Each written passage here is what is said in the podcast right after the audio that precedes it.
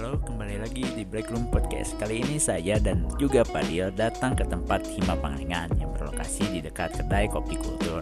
Di sini kita ngobrol-ngobrol tentang awal pembentukan Hima dan juga perjalanannya di bidang sosial. Hal yang paling menarik dari Hima yaitu selalu diadakannya workshop di berbagai bidang di setiap hari Sabtu. Lama-lama, yuk langsung aja simak episode dari Break Room Podcast ini. Jangan lupa untuk ikuti kami di Instagram dan dengan keyword Black Room Podcast dan juga follow Hima Pangalengan bagi kalian yang ingin support gerakan-gerakan mereka. Terima kasih. Oke, mungkin kita ada di Nurkayana, mungkin sekretariat Nurkayana dan sekretariat Hima Pangalengan. Ah, langsung aja, mungkin perkenalan ke audiensnya, enggak? Uh, ya, perkenalkan diri. Uh, nama saya Hamzah Fatur Rahman. Uh, di Hima saya sebagai salah satu founder dari lima founder Hima Pangalengan dan kemarin alhamdulillah uh, telah lulus dari kehutanan IPB.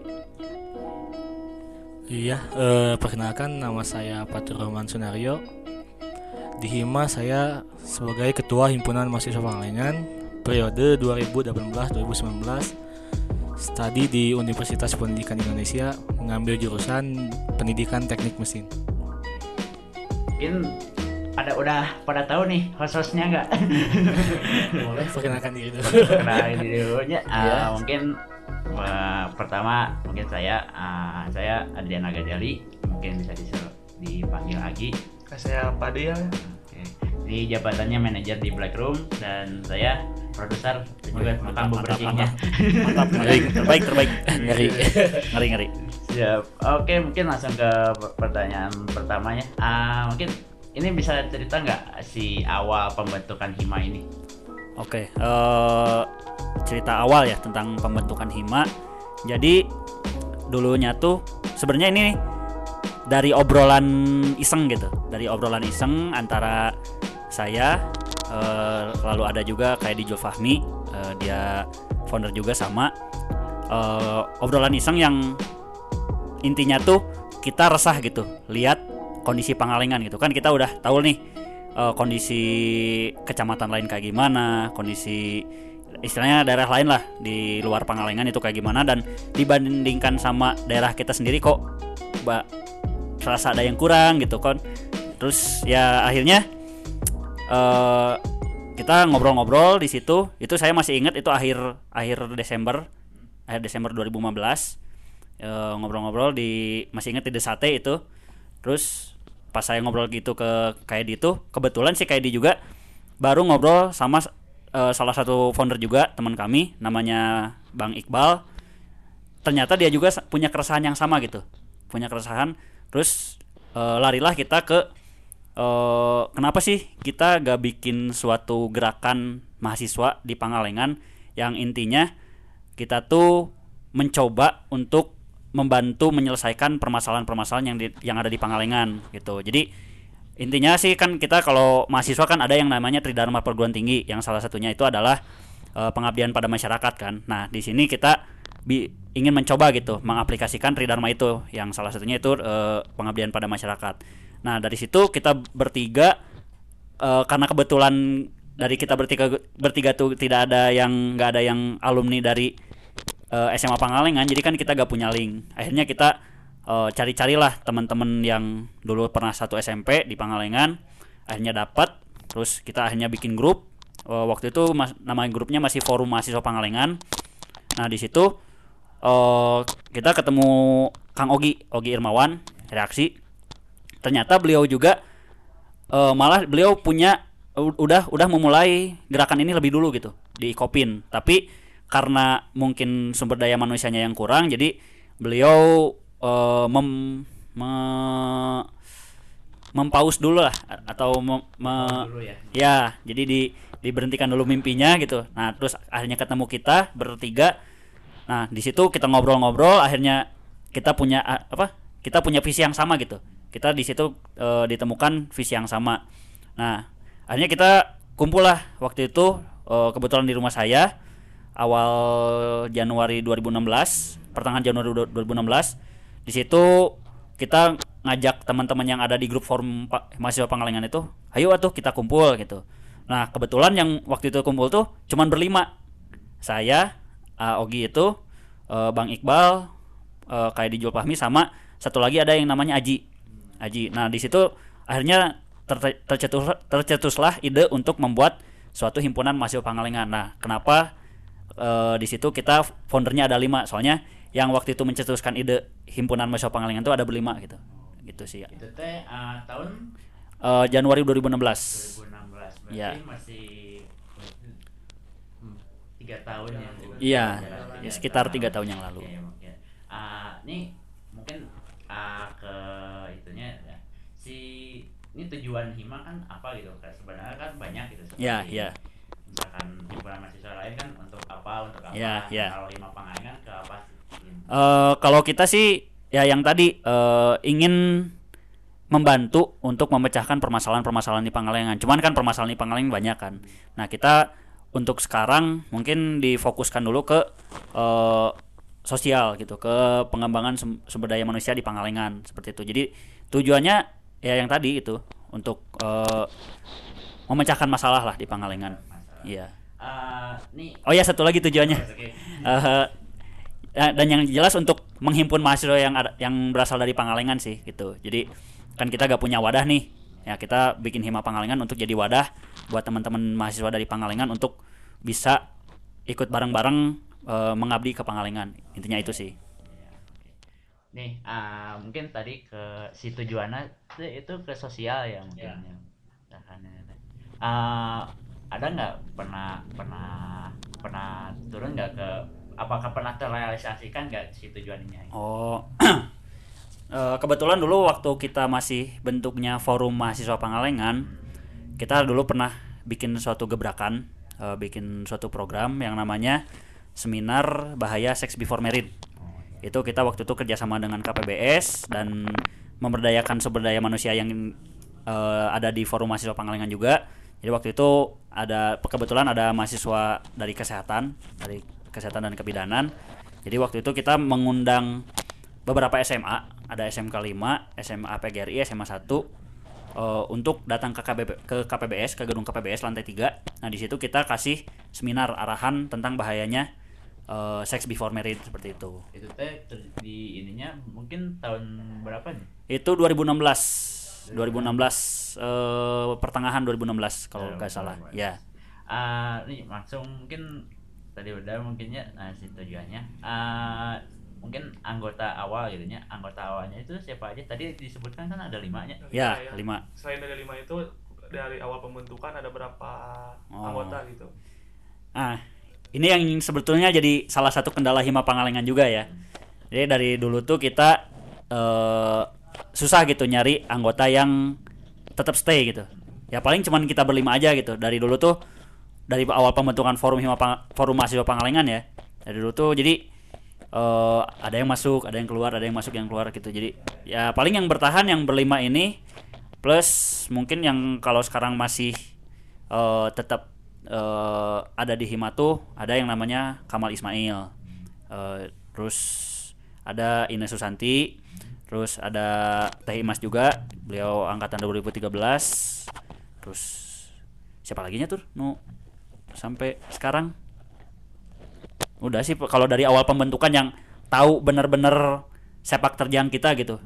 Kalau Patur kan istilahnya dia baru gabung setelah eh, Hima Pangalengan terbentuk gitu. Jadi dari sebelum forum eh, dari dari forum tuh Patur baru eh, belum belum ada gitu. Belum belum gabung ke kita. Dia baru gabung pada saat kita udah terbentuk jadi Hima Pangalengan gitu. Ah, tapi si anggota itu mungkin yang yang ngalalop gitu nya yang Ya. hilang itu pernah dikontak lagi atau enggak gitu pernah kita gak pernah istilahnya kita gak pernah lost contact sama mereka gitu jadi eh kita istilahnya kita tuh nggak nggak pernah belik gitu. Nah sih belik teh? Pundung. Nggak pernah pundung gitu. Jadi, gitu. kalau kita tuh prinsipnya kita tuh ya kalau misalkan teman-teman mahasiswa Pangalengan pengen gabung sama kita mah enggak enggak juga enggak eh, enggak apa-apa gitu. Kan kita juga ngerti lah kesibukan kesibukan mereka seperti apa gitu kan. Ya beda-beda lah apalagi kita datang dari multi alma mater dari berbagai kampus kan. Pasti kesibukannya beda-beda makanya dari dulu kita prinsipnya mentoler mentolerir lah gitu. Cuman ya kekurangannya itu jadi kita dari dulu tuh anggota keluar masuk lah. Tapi alhamdulillah se- semenjak eh, kita alhamdulillah kemarin dapat sekretariat misalnya terus insya Allah 2019 kita udah punya kejelasan program ya adalah gitu anggota-anggota yang mulai stay gitu mulai mulai nyaman di Hima Pangalengan. Malah bahkan kita sekarang tuh eh, mencoba untuk menjadi rumah kedua bagi mereka gitu. Jadi eh, kita mencoba jadi alasan mereka pulang ke Pangalengan tuh selain rumah itu Hima Pangalengan gitu.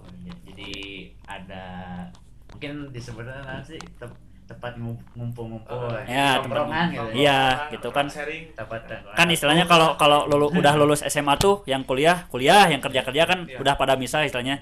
Ya kerasa lah sama kita kita juga. Kayak gimana. Nah makanya kita di Hima ya sok kalau misalkan teman-teman pengen ada tempat ngumpul-ngumpul sok di sini gitu. Kita juga kok nggak nggak selamanya serius gitu. Kita juga gak selamanya serius gak selamanya rapat rapat rapat enggak kita juga ya kem- kayak kemarin kan kita ada makrab terus kita juga ya sekali-kali liliwetan lah gitu jadi ada Jadi- ada agenda kekeluargaannya gitu jadi intinya lebih lebih simpel gitu ya Iya, Lebih- seperti fleksibel lebih fleksibel, itu Oke, sih. Ah, nih mungkin tadi kan si cerita pembentukan Hima itu gitunya ah, Hmm. dari ta- tahun 2013 2015. 2015 mu- mulai ya, mulai membentuk gitu. Nah, mungkin tantangan tantangannya ya dari dari dari tahun pertama sampai sekarang itu apa gitu? Anggota sih. ya kalau harus kalau harus jujur eh, dari dulu tantangan kita ngumpulin masa itu yang yang paling susah gitu. Ya emang sih ada tantangan-tantangan lain kayak kita kan dulu belum punya sekretariat jadi tiap kita kumpul nggak jelas gitu mau mau di mana gitu. Bahkan kan kalau dulu kita eh, langgannya langganannya tuh di Desate gitu. Ini bukan endorse ya. bukan endorse tapi emang faktanya di gitu dulu. Dulu kalau kumpulku kumpul tuh kita di Desate gitu. Tapi alhamdulillah semenjak punya sekre eh, dipercaya sama Koperasi Nurkayana untuk menempati eh, gedung mereka gitu. Jadi kita punya tempat untuk kumpul lah gitu. Jadi intinya gitu jadi punya punya lebih lebih enak gitunya Ya. dari Ya. sampai dan juga kalau udah di sate pasti harus jajan gitunya.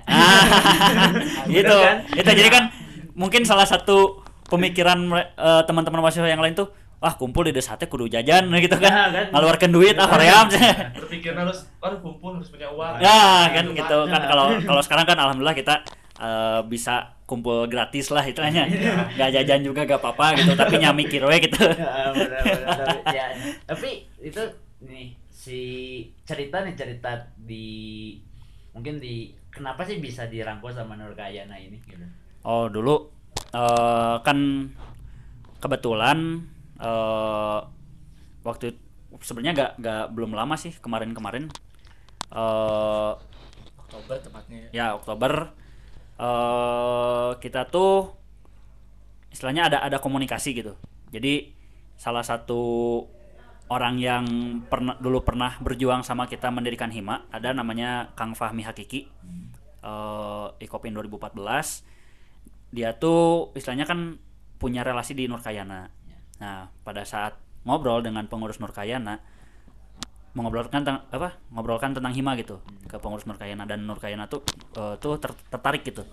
Soalnya kan kita bergerak di bidang sosial dan Nurkayana pun punya visi yang sama gitu. Mereka kan koperasi basis OMKM kan istilahnya untuk merangkul bisnis-bisnis kecil kan. Istilahnya samalah di di bidang sosial. Nah karena punya visi yang sama akhirnya Oktober kemarin tuh kita ada obrolan gitu dengan Nurkayana dan Nurkayana tuh memperbolehkan kita memakai kantor mereka sebagai sekre kita gitu. Jadi ya udah kalau kita satu visi eh, kenapa kalian nggak pakai eh, kan Fasilitas. nah, fasilitas di Nurkayana aja untuk untuk istilahnya ya kumpul-kumpul rapat dan lain sebagainya gitu dengan catatan ya kita juga eh, harus koordinasi gitu dengan Koperasi Nurkayana dengan atas sega- segala program-program kita gitu Tapi mungkin ada aturan nggak di Nurkayana? sebetulnya enggak sih Enggak sih. enggak sih malah kita kalau baik ya, ya. eh, disambut baik gitu terus eh, kadang-kadang kalau kita lagi eh, anggota hima lagi pa- pada gabut terus pengen eh, apa istilahnya lagi kangen gitu sama yang satu sama lain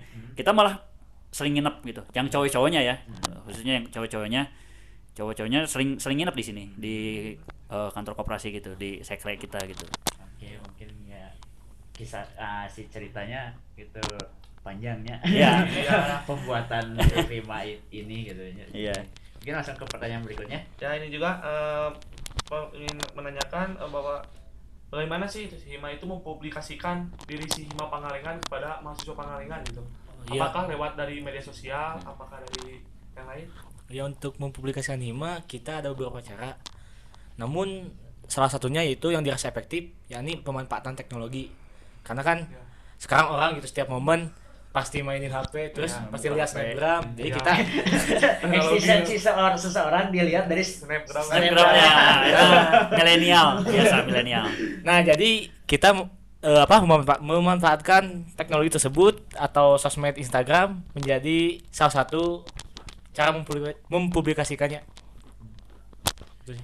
Wow. iya, iya. Ah, tapi gini nya ah, mungkin ada itu kayaknya ada sebuah kendala di ma- mahasiswa pengalengan yang mungkin dekat dengan saya gitu tentang saat pasti tanya eh kamu cerita mungkin ini contohnya gitu nya kamu cerita bukannya mas masuk hima pengalengan enggak cina enggak enggak kan enggak ada ajakan atau apa gitu.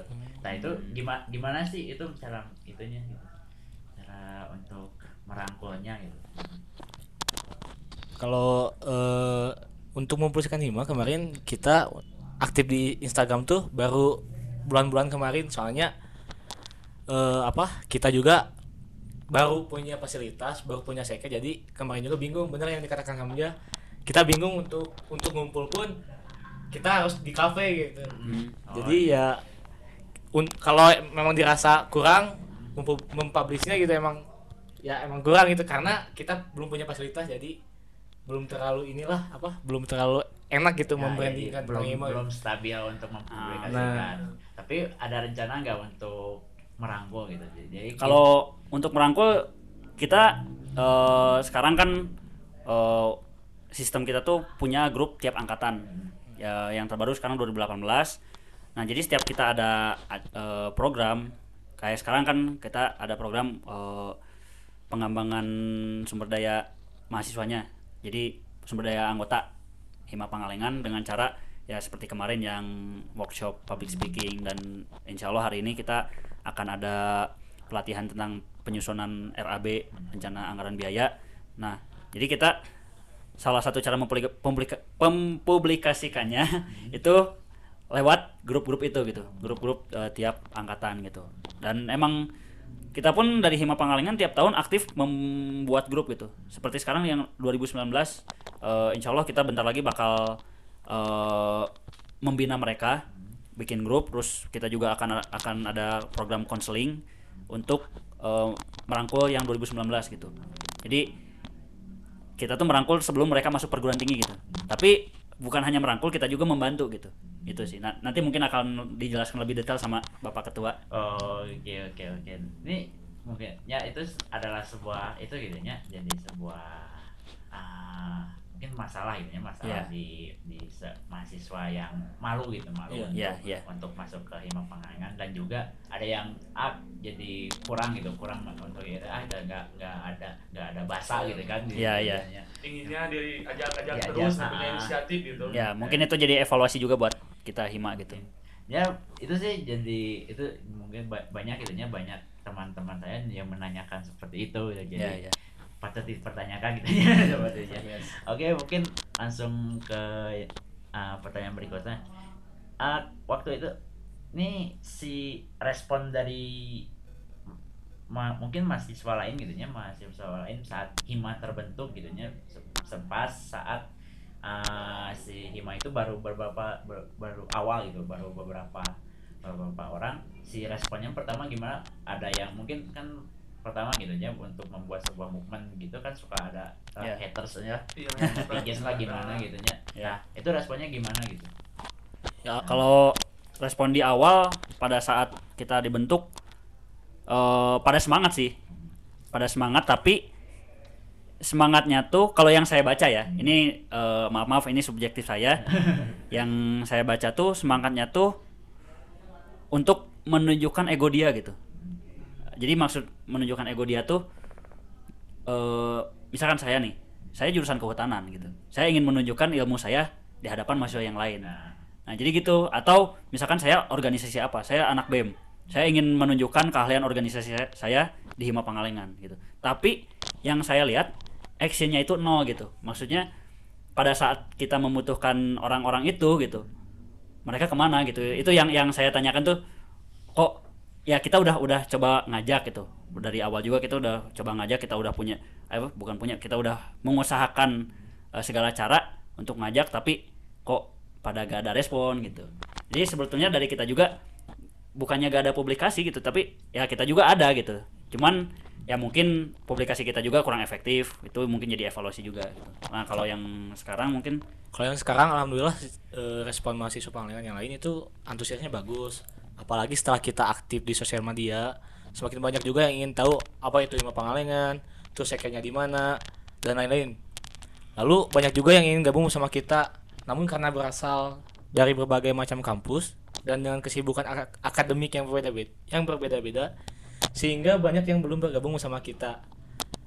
Nah jadi seperti itu sih alhamdulillah untuk respon sekarang jauh lebih bagus setelah kita punya punya rumah kedua Nah, gitu. iya. Jadi enak gitu kalau mau mau kumpul juga difasilitasi gitu. Oh, mungkin gitu ya. Eh, sih jadi eh sih jadi itu tantangan di se- setiap banyaknya kreatif movement atau juga move- movement-movement lain di- Iya pasti itu iya, semua juga merasakan lah kalau ya orang-orang yang membentuk sebuah movement tuh pasti merasakan Iya. Sulitnya seperti apa? sulitnya gitu ya. seperti apa lah ya karaos lah ku black room rohnya ya benernya Black Room kan cuma beberapa orang gitu ya Aduh. oke oke mungkin ini ini si ya, tadi kan disebutkan jadinya si kegiatan awal si Himata itu yang di KPBS itunya Hmm. yang mensosialisasikan nih itu tuh gimana sih bisa diceritain nggak si ah cari cari ah, bukan diceritain ah dijelasin nggak gimana sih Oh, itunya gitu. latar belakangnya yang kayak gitu. kenapa Nah. sih dibuat kegiatan itu? jadi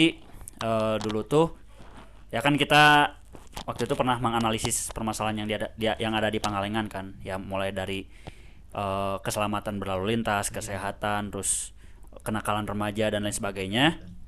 Terus kita sinkronkan dengan sumber daya manusia yang ada di waktu itu masih forum kan yang yang ada di forum mahasiswa Pangalengan.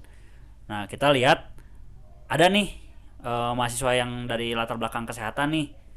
Bisa lah kita istilahnya eh, kerjasama gitu dengan mahasiswa-mahasiswa tersebut untuk membuat suatu program. Dan akhirnya waktu itu pun dengan sumber daya yang seadanya waktu itu kita bikin acara tuh pure pendanaan dari kita sendiri. Kita udunan gitu kita patungan untuk membuat acara tersebut. Sampai rapat pun kita pindah-pindah rapat hari ini di rumah A rapat besok di rumah B. Wah itu perjuangan banget lah pokoknya mah. Capek ya capek weh pokoknya mah. Hambur bensin nongko hambur bensin wah. hambur bensin hambur waktu segala weh pokoknya mah. Oke. ya itu sih eh terus kalau latar belakangnya yang yang tadi kan kita punya sumber daya itu dan permasalahan yang di Pangalengan kebetulan salah satunya adalah kenakalan remaja dan akhirnya tercetuslah ide untuk membuat suatu seminar tentang bahayanya sex before marriage seperti itu sih. Oke oke. Eh, saat ini mungkin saat acaranya gitu ya, saat acaranya itu banyak yang ante, eh, berpartisipasi nggak sih dari undangan ke SM ke berbagai sekolah itu? Alhamdulillah banyak waktu itu. Saya juga lupa sih jumlah pesertanya. Yang jelas kan tahu meren eh, gedung KPBS yang lantai tiga Iya. yang kayak aula itu itu tuh penuh. Ah, gitu. Jadi sampai belakang alhamdulillah waktu itu banyak anggota pesertanya. Dan kita juga waktu itu alhamdulillah bisa memberikan sertifikat ke mereka biar meskipun itu sertifikat bersifat eh eh enggak sih enggak eh sertifikat. Oh ya sertifikat fisik. Ya jadi waktu itu kita bisa kasih sertifikat juga. Ya alhamdulillah untuk pergerakan awal waktu itu kita senang banget lah gitu bisa bisa bikin suatu acara kayak gitu. Dan harapan kita sih sekarang pengen kayak pengen bikin acara kayak gitu lagi gitu kalau bisa. Ya cuman meninjau dari sumber daya manusianya ya masih kurang terus semangatnya juga masih perlu kita pupuk jadi ya masih kita kaji terus lah gitu Oke. Nah, mungkin itunya si si da- respon dari siswa-siswa yang itu antusias yang mungkin Antusias, Iya. alhamdulillah. da- di ta- da- di eh, saat eh, hima itu baru dibentuk gitu. Iya, masih bentuk forum, forum mahasiswa Pangalengan belum. forum gitu ya. belum- Nah, belum himpunan himpunan. belum himpunan Iya.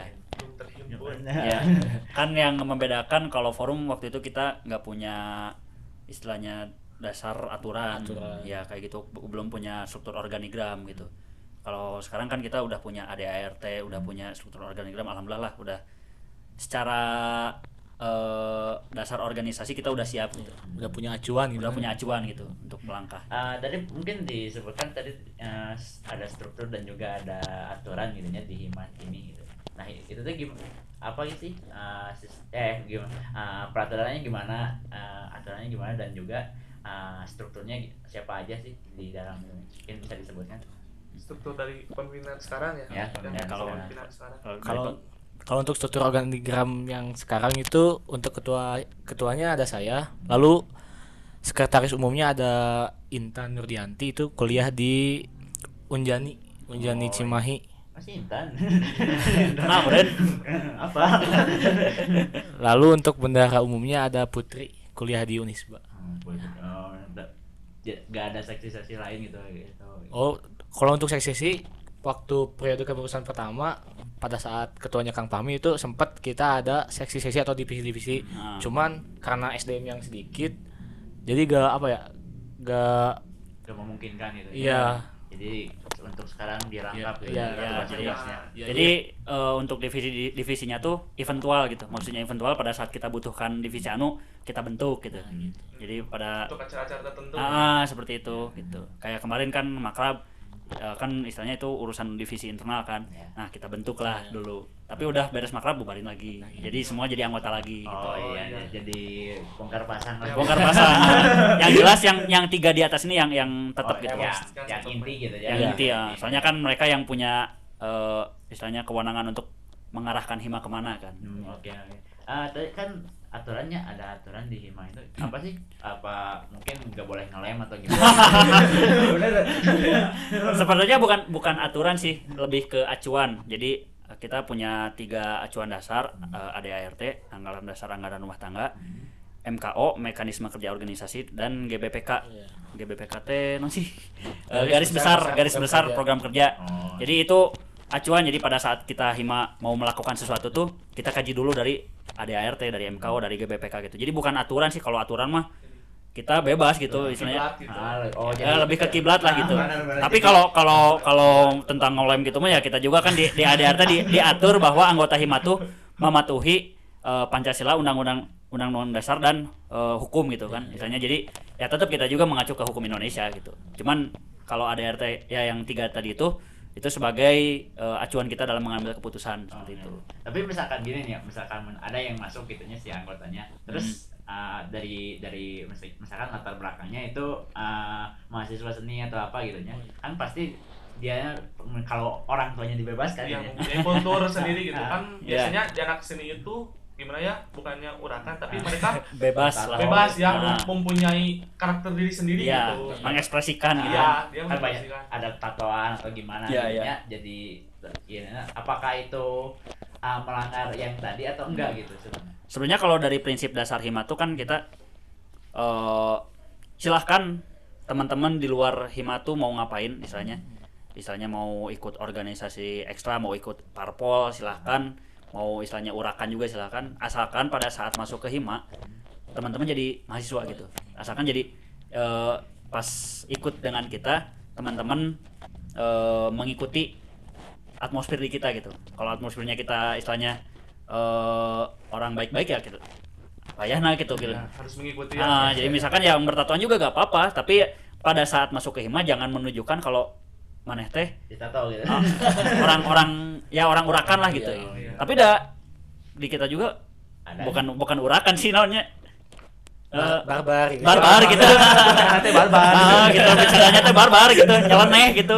Baru dah tapi enggak gitu. Misalkan ini. Eh, tapi ada enggak? Ada ada enggak yang si mahasiswa yang gabung di sini tatoan gitu? Alhamdulillah sampai belum ada ya? belum enggak enggak ada. Enggak ada. mau gitu mau yang ada gitu. Paling paling mantan gangster. Yang kayak gitulah. Kan jadi serem gitu nya misalkan gimana. Ada tatoan gitu. Ya asalkan itu sih pada saat ke hima bisa mengikuti gitu bisa mengikuti yang lain jangan jangan jadi pencilan lah gitu oke oke oke oke. mungkin langsung aja ke pertanyaan berikutnya ya. mungkin udah jelas yang tadi Rok, Hmm, ya, ini pertanyaan selanjutnya. Eh, Bagaimana dari Hima untuk membimbing calon-calon mahasiswa yang di Pangalengan gitu? Misalkan iya. untuk membimbing dari hal segi misalkan mau masuk kuliah ataupun ya memberikan kalau tidak pun kuliah memberikan pencerahan bahwa habis SMA itu seperti apa ya, gitu. ya, ya. Kalau untuk bimbingan kepada calon mahasiswa Pangalengan untuk tahun 2018 kita ada namanya sosialisasi 2019 mana? 2018 yang kemarin sosialisasi. oh ya ya Tapi tidak menutup kemungkinan tahun berikutnya juga kita ada program yang namanya EduPes yang mungkin akan dijelaskan oleh teman saya itu Hamzah. oh edufest Iya terkait EduPes. Jadi eh, kalau EduFest ini konsepnya tuh kita eh, membina gitu, membina teman-teman dari SMA. Jadi kemarin kita udah koordinasi dengan BK SMA 1 Pangalengan dan eh, masih akan bergerak di ke sekolah lain. Kemarin baru ke SMA Pangalengan. Kita udah bekerja sama dengan BK. Hari Rabu ini kita mau sosialisasi ke SMA untuk apa? Eh, untuk menjaring teman-teman yang istilahnya serius ingin kuliah. Nah, nanti teman-teman yang serius ingin kuliah, kita rangkul, kita eh, bina teknisnya kayak gimana, teknisnya kita bagi kelompok. Jadi misalkan nih, eh, teman-teman di Hima tuh yang yang siap jadi mentornya tuh ada 10 orang. Eh, kita kan menempatkan mentornya tuh angkatan 2018 dengan 2017 kan, supaya lebih dekat sama ya, teman-teman SMA-nya kan. Nah, terus misalkan ada 10 orang yang dari Hima. Nah, terus yang siswanya ada 100 orang. Berarti kan satu kelompok 10 orang kan. 10 orang satu mentor. Nah, seperti itu. Nah, nanti di grup di kelompok itu ada apa aja? Nah, nanti kita bakal ada sesi sharing. Misalkan kan mungkin teman-teman yang SMA belum belum mengeksplor lah, belum belum terlalu banyak tahu tentang perguruan tinggi. Nah, nanti nanti kita sharing pengalaman kita kayak gimana dulu waktu ikut tes-tes untuk masuk perguruan tinggi. Terus eh, misalkan ada atau ada teman-teman siswa kelas 12 yang bermasalah dengan orang tua misalkan kan suka ada kan yang orang tuanya yang anaknya pengen kuliah, orang orang tuanya enggak. melarang. Nah, melarang kan alhamdulillah 2017 kita kemarin sukses mengkuliahkan satu salah satu orang dari Pangalengan, salah satu siswa dari Pangalengan namanya Asep.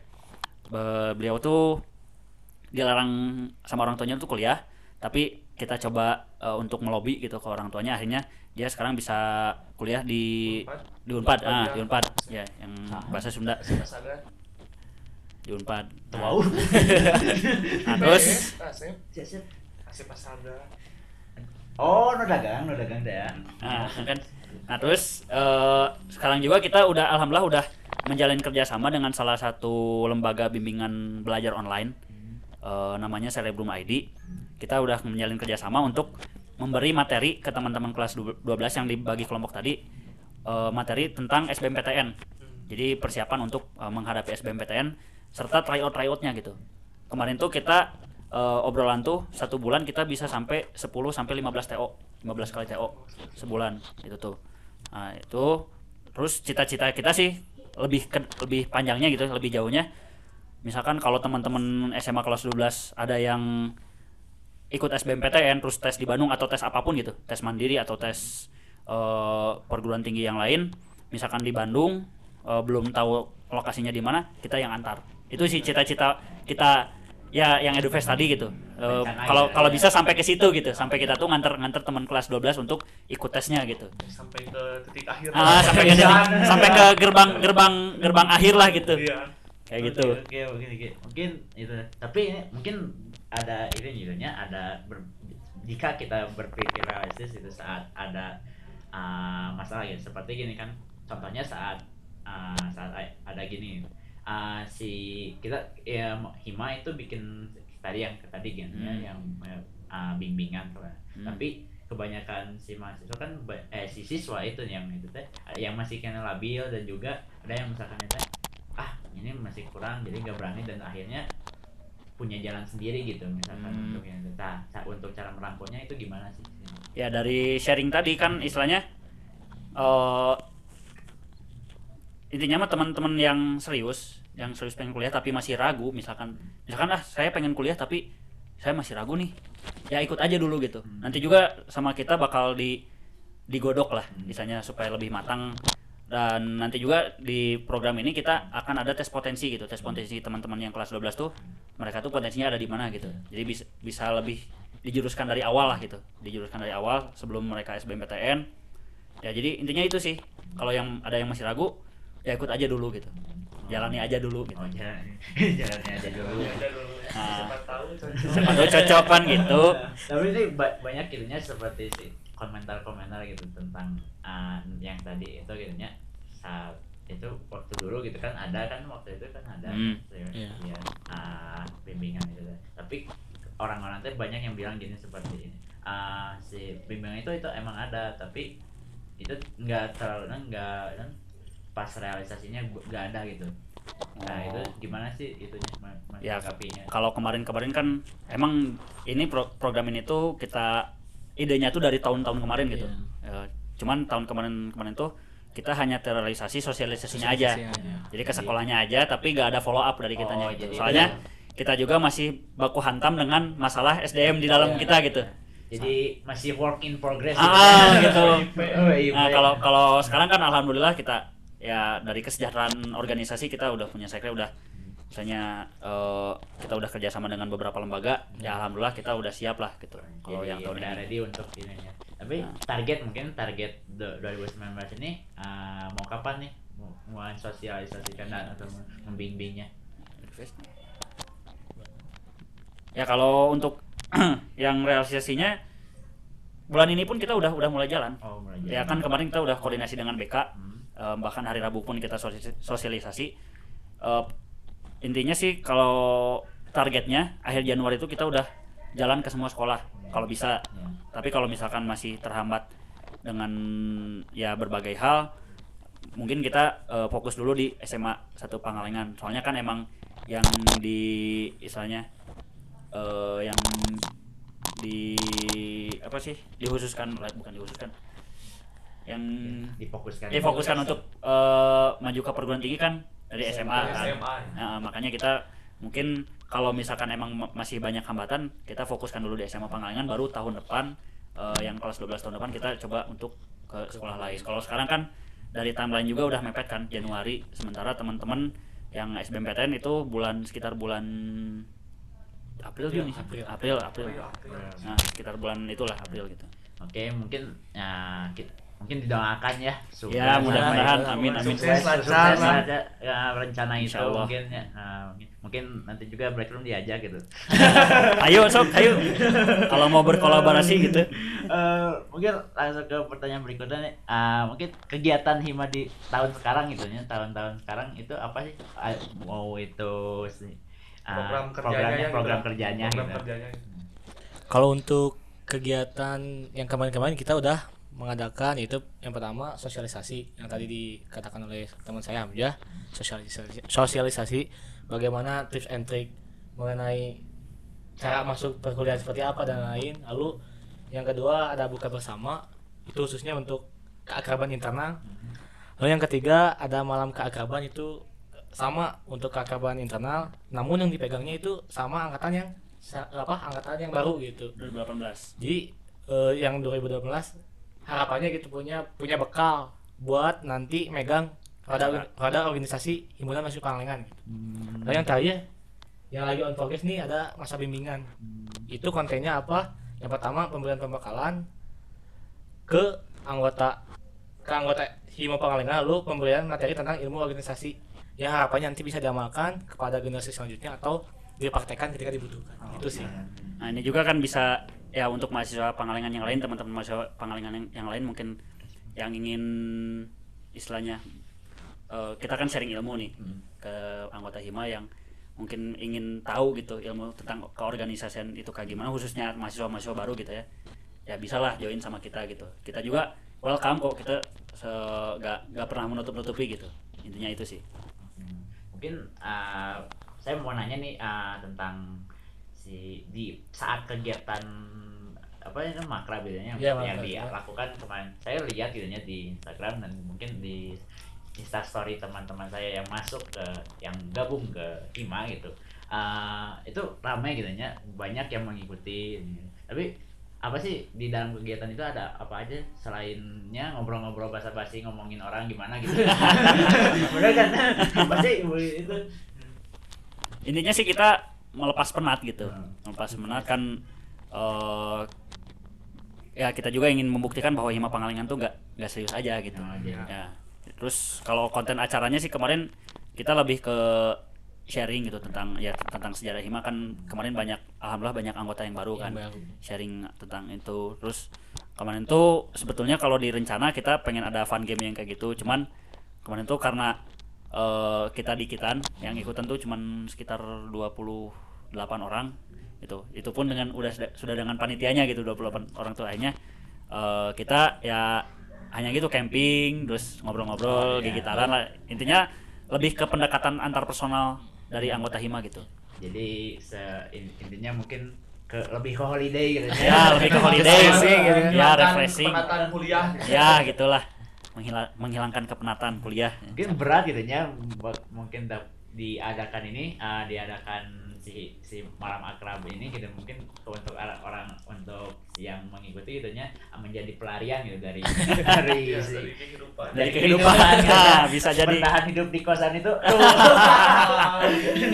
Lagi. oke oke mungkin langsung ke pertanyaan berikutnya. Sok. Ini pertanyaan yang selanjutnya. Respon masyarakat dari terbentuknya awal Hima sampai sekarang bagaimana? Respon masyarakat terhadap Oh. Hima Pangalengan?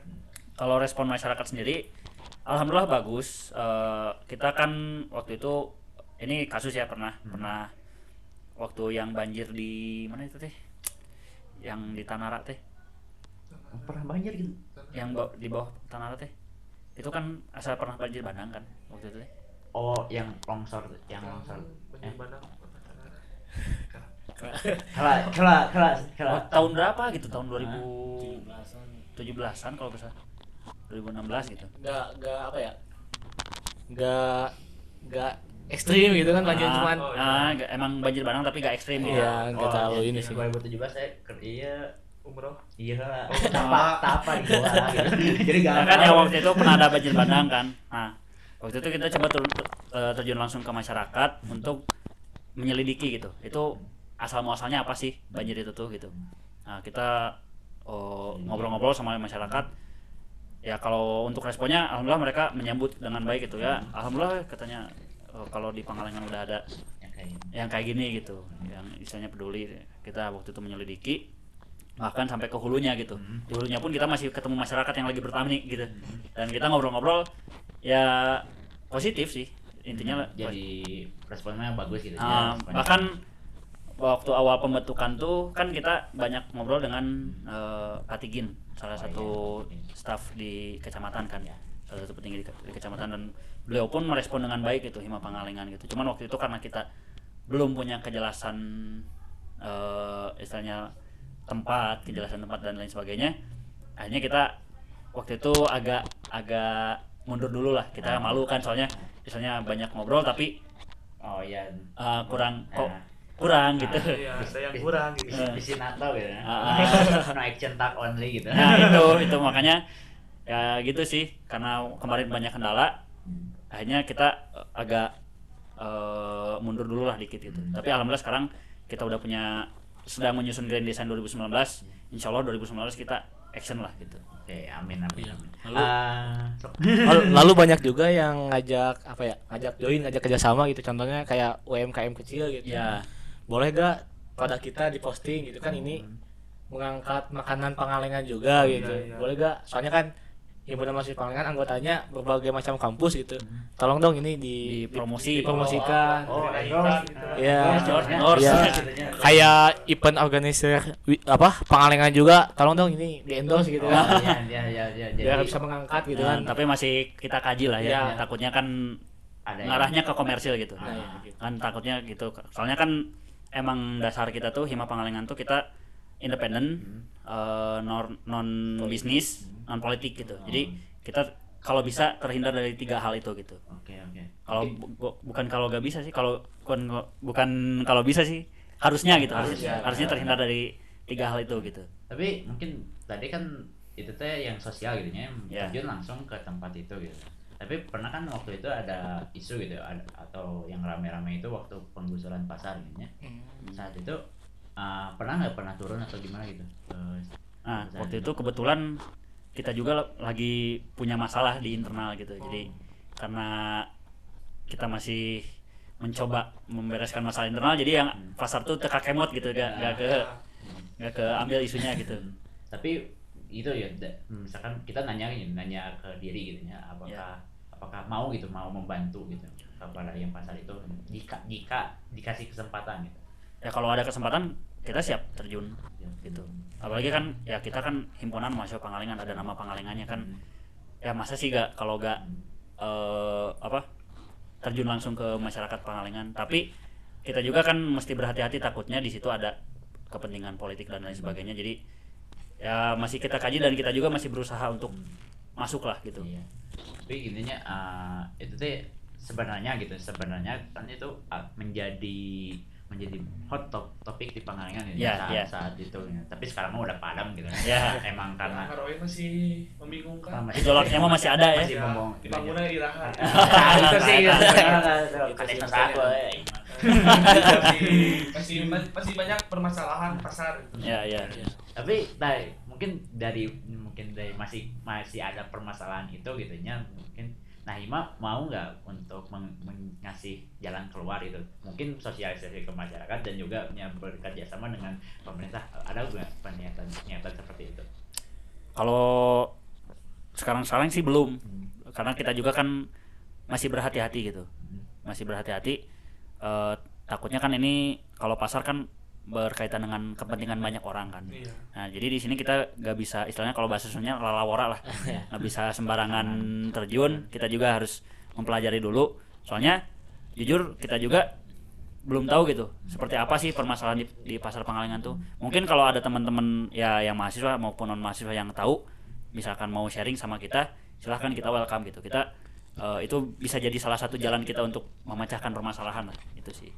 oke oke oke ya mungkin ya untuk para pendengar nih ah, kalau misalkan mau bantu gitu ya mau bantu Ya, yang punya mau bantu bukti untuk mengangkat semua Ah, permasalahan. permasalahan ini mungkin langsung ajukin aja lah ke mas Ya. ke Ima, Ima gitu juga nanti bisa bisa gitu Ya, jadi mungkin bisa- realisasikan bisa gitu. kita bantu lah. dan bisa jadi damai gitu ya sebenarnya kan ini masih panas gitu ya sebenarnya masih panas. masih panas oke mungkin tadi tuh ada disebutkan gitu ya dari eh, ada non tadi tuh yang inti eh bukan eh, jalan itu bahwa tidak ber non, tidak ber- tidak bergerak di politik, Politik. gitu. Ya non politik, Nah, non bisnis, ya non independen. ya politik itu kenapa nggak terjun ke politik gitu eh soalnya ini punten-punten ya mungkin ada pendengar yang orang politik juga Gak Tapi- apa-apa, be- bebas, bebas. ini ini ini ini subjektif saya bukan bukan atas nama Hima ya. Ini Ya. subjektif saya.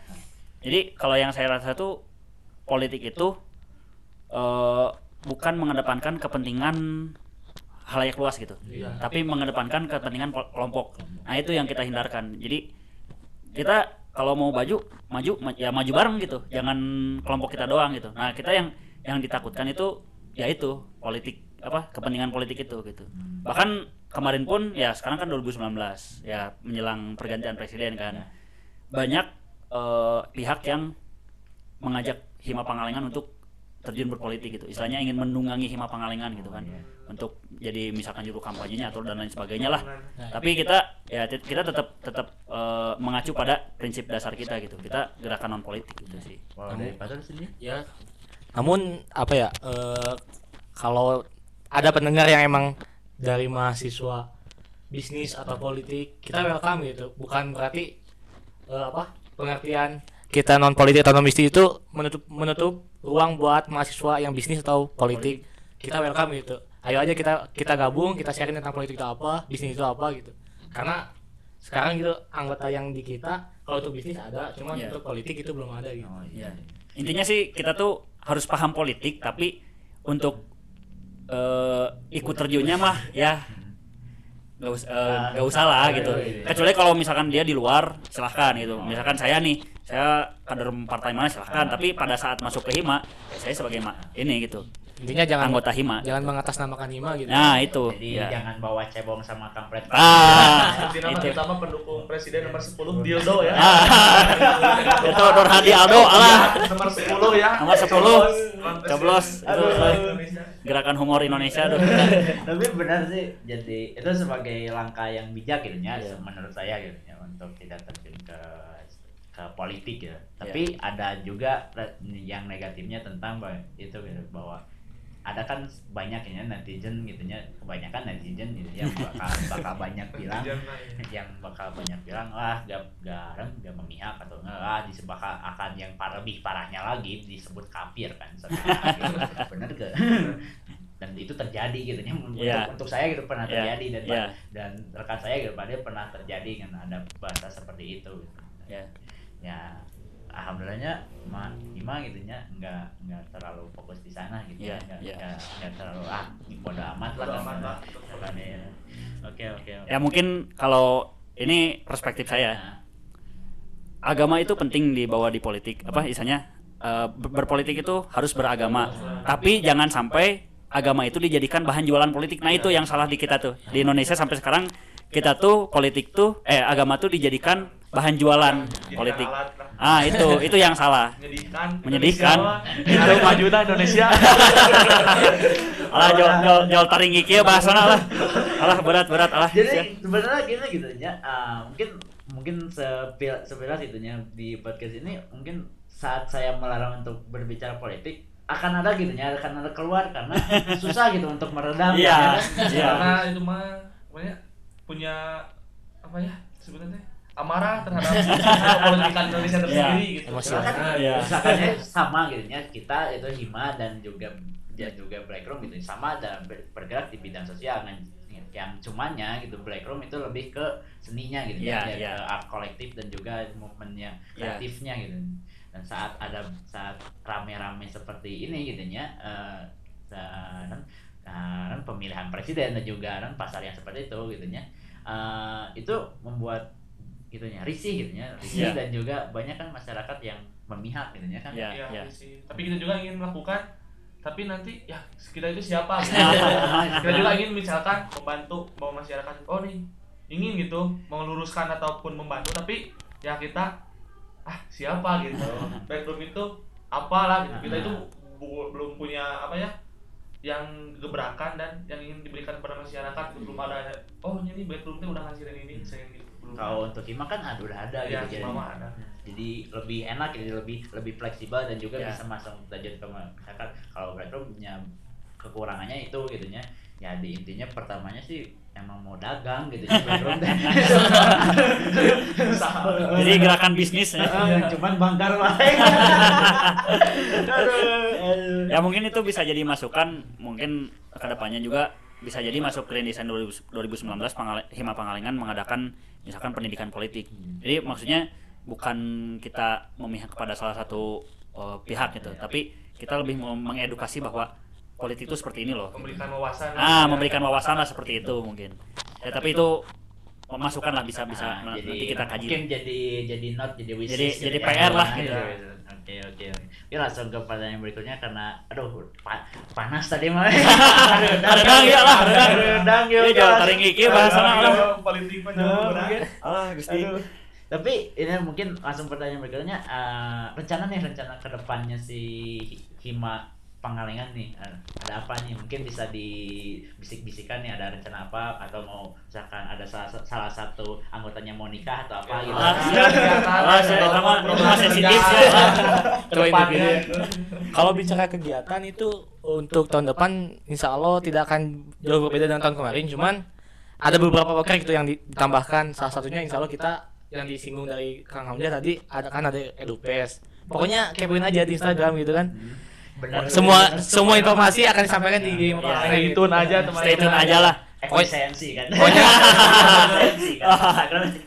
Pokoknya 2019 banyak gebrakan gitu. banyak gerakan insya Allah. Insya Allah. Kita juga ya kan tadi udah bekerja sama dengan beberapa eh, lembaga profit lah, lembaga profit untuk istilahnya bikin program gitu. Tapi bukan dalam arti kita juga malah menjadi gerakan bisnis enggak. Kita tetap tetap pada prinsip kita tapi kita memi- meminta bantuan ke beberapa eh, lembaga profit untuk menyalurkan donasinya lah untuk kita gitu untuk hima pangalengan untuk pangalengan gitu. Pokoknya bocoran mah tahun depan kita ada poker namanya Edupes gitu. Ya, Dalam Oke. Sih. ya.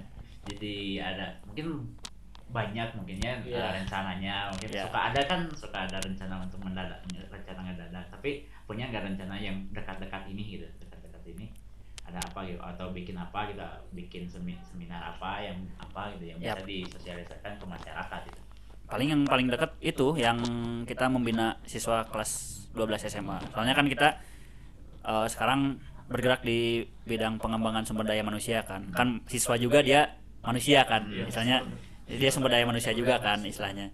Ya jadi eh karena kebetulan kita juga udah punya channel ke sekolah-sekolah ya kita garap dulu lah yang yang ada gitu. Mungkin ke depannya kan kemarin juga kita sempat mengkaji tentang data BPS da- data BPS eh, tentang pengalengan dalam angka. Nah kita di situ baca-baca ada beberapa dat- fakta yang mengejutkan gitu seperti angka apa angka buta huruf di Pangalengan yang masih sangat tinggi. Terus baru tahu saya Nah, terus eh, misalkan kayak indeks pembangunan manusia Pangalengan yang masih nomor urut 16 di antara semua kecamatan di Kabupaten Bandung itu kan miris kan. Nah, mungkin dari data tersebut kita bisa eh, membuat suatu gebrakan gitu yang nantinya masuk ke Grand Design 2019 gitu. mungkin nanti didoakan juga ya segera terlaksana Amin. si kegiatannya Ya. dan juga mungkin ya balik lagi gitu. Kegiatannya juga ngajak black room. Ya pokoknya mas stay tune di Instagram Hima dan kita juga gak bakal gerak sendirian. Kita bakal menga- mengajak semua lah. Misalnya nggak semua juga sebisa mungkin mengajak lebih banyak komunitas lain gitu di Pangalengan untuk ikut gerak bersama gitu. Asalkan jangan komunitas berbau-bau politik gitu. Ah itu itu itu itu yang nggak boleh itu. Oke oke oke. Mungkin deh langsung mungkin pertanyaan berikutnya. Karena harapan pangan oh iya nih harapan bagi Bapak Ngalengan di tahun mendatang ada apa harapan? Punya harapan apakah ingin menjadi lah ya lah harapan-harapan. Siap. Kalau dari saya sih singkat ya, padat dan jelas. Semoga semua program kerja yang telah disusun oleh Hima Pangalengan bisa terrealisasikan tahun ini. Lalu amin semakin bertambah juga gitu banyak eh, semakin bertambah juga SDM di Hima Pangalengan gitu. Lalu eh, apa mahasiswa Pangalengan yang yang di luar sana gitu yang belum peduli ke Pangalengan semoga cepat peduli gitu. Tapi kita juga nggak maksa sih gitu. ya Tapi kita juga maksa gitu kan. Lalu apa SDM yang bergabung di Hima gitu semakin mem- semakin solid, semakin memiliki komitmen. Yang paling penting semakin loyal. amin itu sih mungkin dari kang Hajan ya Ya. Kalau dari saya sih eh, harapan untuk Hima Pangalengan tahun depan eh, tahun ini mungkinnya 2019 eh ya intinya sih ingin lebih banyak anggota yang aktif gabung gitu di Hima Pangalengan tapi bukan hanya eh, bukan hanya istilahnya gabung doang gitu bukan hanya numpang nama tapi ikut eh, berpartisipasi berpartisipasi mengeksekusi setiap program yang udah disusun gitu ya itu sih intinya ingin lebih banyak lagi teman-teman hima teman-teman mahasiswa Pangalengan yang ikut gabung di semua setiap gerakan kita gitu itu sih Jangan cuma aji mumpung gitu ya. Nah. Tapi harus punya peran gitu. nah itu itu Oke oke mungkin mungkin da- nanti itu adalah harapan untuk Hima gitu. Nah ini mungkin menambahkan uh, harapan nih bagi daerah Pangalengannya sendiri gitu. Gimana? Gimana? Pasti banyak gitu ya. Pasti banyak harapannya mah. Pengen aja bioskop. pengen ada ada mall eh Borma di kota standar kota Borma standar kota ya mungkin kalau untuk eh, harapan Pangalengan ke depannya eh ini saya sedikit bercerita aja ya Ya. Saya pernah berdiskusi dengan anggota DPRD Kabupaten Bandung. Eh, beliau mengatakan bahwa perputaran uang di Pangalengan tuh udah besar, udah besar istilahnya udah malah eh, urutan atas gitu di Kabupaten Bandung tuh. Tapi ya yang tadi indeks pembangunan manusianya masih kecil berarti kan eh, sumber daya manusia di kita tuh masih kurang lah gitu, masih perlu ada eh, pemolesan gitu. Nah, harapan saya ya untuk Pangalengan semoga eh, sumber daya manusianya bisa lebih berke- berkembang lah, bisa lebih baik gitu. Soalnya kan eh, indikator suatu kota tuh kan kan kalau kita masih bi- bisa dibilang Pangalengan tuh daerah transisi, Iya. kota belum, kampung juga bukan. Nah, kalau indikator suatu kota kan istilahnya perputaran uangnya tinggi, sumber daya manusianya juga eh, unggul gitu. Nah, saya harapannya sumber daya manusia Pangalengan ke depannya itu bisa lebih unggul lagi, itu sih. Kalau dari saya semoga masyarakat Pangalengan lebih peduli lagi akan Pangalengannya gitu. Baik dalam bidang sosialnya maupun pendidikan. Bukan saya menjudge masyarakat Pangalengan sekarang tidak peduli tapi lebih gitu, lebih peduli lagi akan daerah Pangalengannya gitu. Intinya semoga apa ya? Kan manusia hidup tuh untuk bermanfaat bagi orang lain gitu. Nah, iya. Hima hima berdiri juga bisa apa untuk bermanfaat bagi orang lain gitu Ya, semoga tahun depan apa yang disemogakan bisa tersemogakan Tersegerakan. bisa, bisa tersegerakan gitu Oke oke oke. Anjing itu tadi kan uang nu pangalengan gede cenah. iya, per- jangan salah sih ya. Perputaran uang di ya, kita tuh wi, orang tuh sebenarnya di pangalengan udah dapat uang ya sebenarnya kan di harusnya.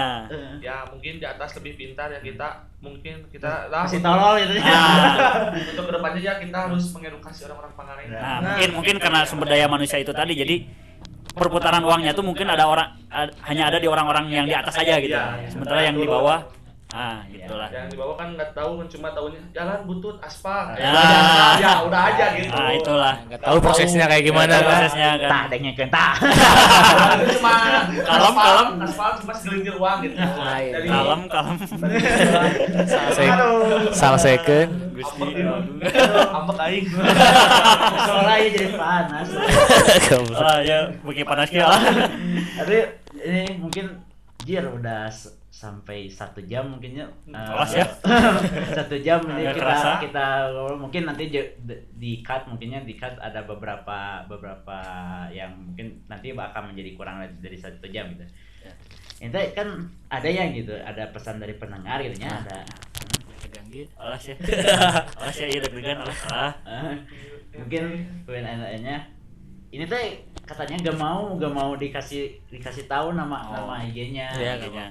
Terbasis. hamba Allah berarti ya mungkin sebenarnya mungkin masyarakat nih Oh, iya, masyarakat. Nah, Iya, tahu- mungkin. tahu ya Takut kaum, eksis, kaum dua apa netizen yang budiman Ah, iya, iya, iya. iya, di mana? Mungkin katanya tuh gini jadi katanya gitu ya apa apa benar gitu ah, si si Hima ini itu kebanyakan cina yang ngurusnya orang ke pohon kopi hunkul cina Kumatur, kumatur. Itu gak tahu gitu nya gak, gak tahu emang saya gak tahu gitu nya saya Iya, gak tahu iya, gak tahu iya. gak tahu dari Tahu siapa, dari siapa.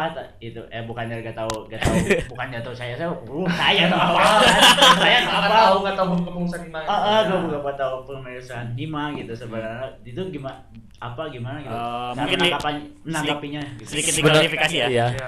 Untuk foundernya sendiri kita berlima kan. Nah, Eh, kayak di Jual Pahmi dia orang kebun kopi. Haji orang kebun kopi. Emang itu orang. Tapi yang tiga ini saya orang kebun kembang. Eh, Aogi orang belakang pom bensin tuh sih? Cibodas oh Lembang Oh. jauh Lembang Ah, belakang pom bensin Cibodas. Terus kalau Bang Iik tuh Bang Iqbal tuh orang Cilencah. Eh, non? Pulau. Orang bukan Pulau yang ke sananya lagi. Ah, Warnasari Ah, warna sari. Eh, bukan bukan bukan. BO watas Wates Lain saja. Cukul cukup Bukan. Raja Raja pergi jauh Ah pokoknya pokoknya pokoknya Cilencah, pokoknya ya. daerah daerah Cilencah lah gitu. Yang untuk foundernya sendiri itu gitu. banyak dari daerah-daerah lain Iya. gitu ya Ah ba- banyak sebenarnya sekarang juga orang-orang yang ada di Hima pun kita me- menyebar gitu nggak nggak nggak nggak cuma orang kebun kopi oh, nggak cuma orang kebun kembang tapi setiap setiap daerah ya alhamdulillah setiap daerah ada lah gitu gitu nggak nggak setiap juga sih hampir setiap Hampir. hampir setiap daerah ada gitu. perwakilan ada perwakilan lah ada delegasi gitu dan kalau dibilang apa yang ngurus oh, sering orang kebun kopi sebenarnya kita juga untuk pemilihan ketua gak salah-salah gitu Iya. kita ada musyawarah mahasiswa gitu di situ kita duduk bareng siapa aja yang siapa Orang yang siap. yang siap menjadi ketua Pangalengan gitu. Kita ada mumas gak asal-asalan gitu. Oke, oke. Ya. Ya cuman kebetulan mungkin Kebetulan mungkin. dari Saat- kan, kan ini ini tahun kepengurusan kedua kan. Iya. Nah, yang pertama kan si Kang Fahmi kayak di Kopi dia orang kebun kopi, sekarang juga Patur orang kebun kopi. Kebetulan mungkin mungkin kebetulan Iya, itu mah. Dua kali gua kopi. apa gitu Iya, soalnya soalnya kita juga di Mumas gak ada persyaratan ketua harus orang kebun kopi gak ada.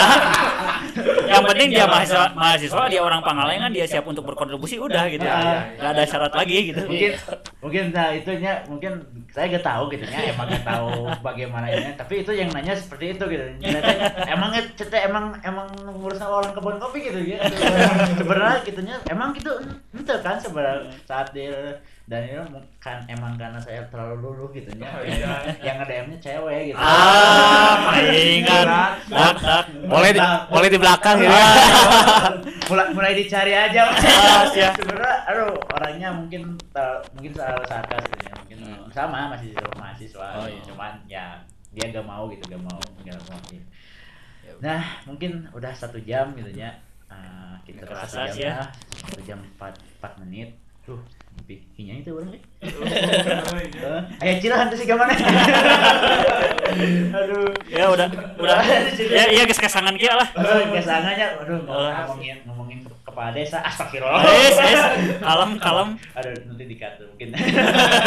Mungkin ini lah uh, mungkin yang terakhir gitu ya pesan bagi para pendengar mungkin bagi men- mungkin pendengar ini banyak gitunya buat dari di Pangalengan bahwa baik luar Pangalengan. Pesannya apa gitu? Pesan, Pesan. kalian. Pesan kalian yang mau disampaikan gitu. Apa ya eh, semoga orang-orang zaman sekarang itu lebih peduli lagi kepada kepada orang lain gitu kepada sesama. Lalu kalau ada pendengar yang dari mahasiswa yang ber- berasal dari Pangalengan ayo kita ayo ayo gabung gitu. Ditunggu lah. ditunggu lah gitu. Da- da- kita juga sama-sama belajar ya. nggak apa ya nggak belum pro gitu kalau bilang. Enggak sih kita juga masih masih belajar gitu. Ayo kita sharing bareng gitu tentang Pangalengan seperti apa gitu. Kalau dari saya gitu. Kalau dari kalian Eh, kalau pesan saya naon Atuh udah udah diwakili sama Fatur eh.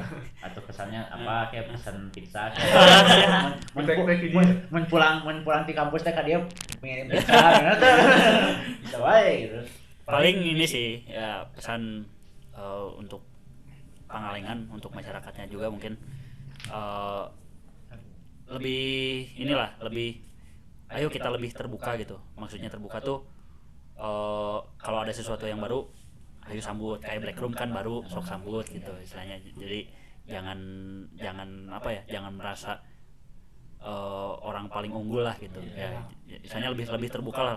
Mindsetnya lebih terbuka. Eh, terus in- ini mungkin untuk komunitas-komunitas yang ada di Pangalengan ya. Eh, termasuk Hima Pangalengan juga. Ya ayo atulah kita kita kan udah punya masa udah ada komunitas. Sok ayo orang orang eh, silih gabung lah. Eh, kita gabung kita saling membantu satu sama lain untuk kemajuan Pangalengan itu sendiri itu sih. Bila perlu kita adakan forum forum Ah, khusus komunitas forum. Pangalengan gitu kan. Ah. siapa tahu visinya sama dengan Iya. gitu kan. ya kita bentuk komunitas tahun depan. Pokoknya kepoin aja di Instagram gitu. Balik deui ke Instagram. Balik ke Insta Story eksistensi harga mati. ah aslina eta lah bray. Oke oke. Mungkin kita mungkin itu adalah terakhir gitu ya terakhir. Terima kasih untuk Hima Pangalengannya. Bisa bisa welcome kita datang ke tempatnya. Ke sini. kita juga sama-sama lah. Ini udah fasilitasi. Untuk eksis. Sebenarnya aduh, mungkin ya.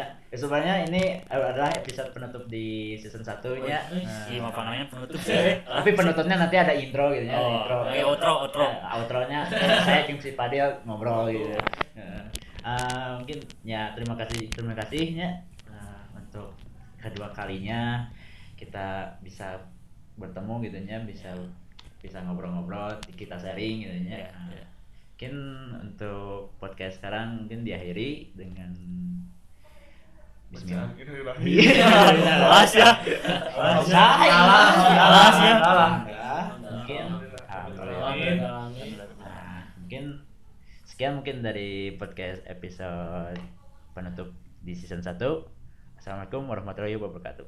Waalaikumsalam warahmatullahi wabarakatuh.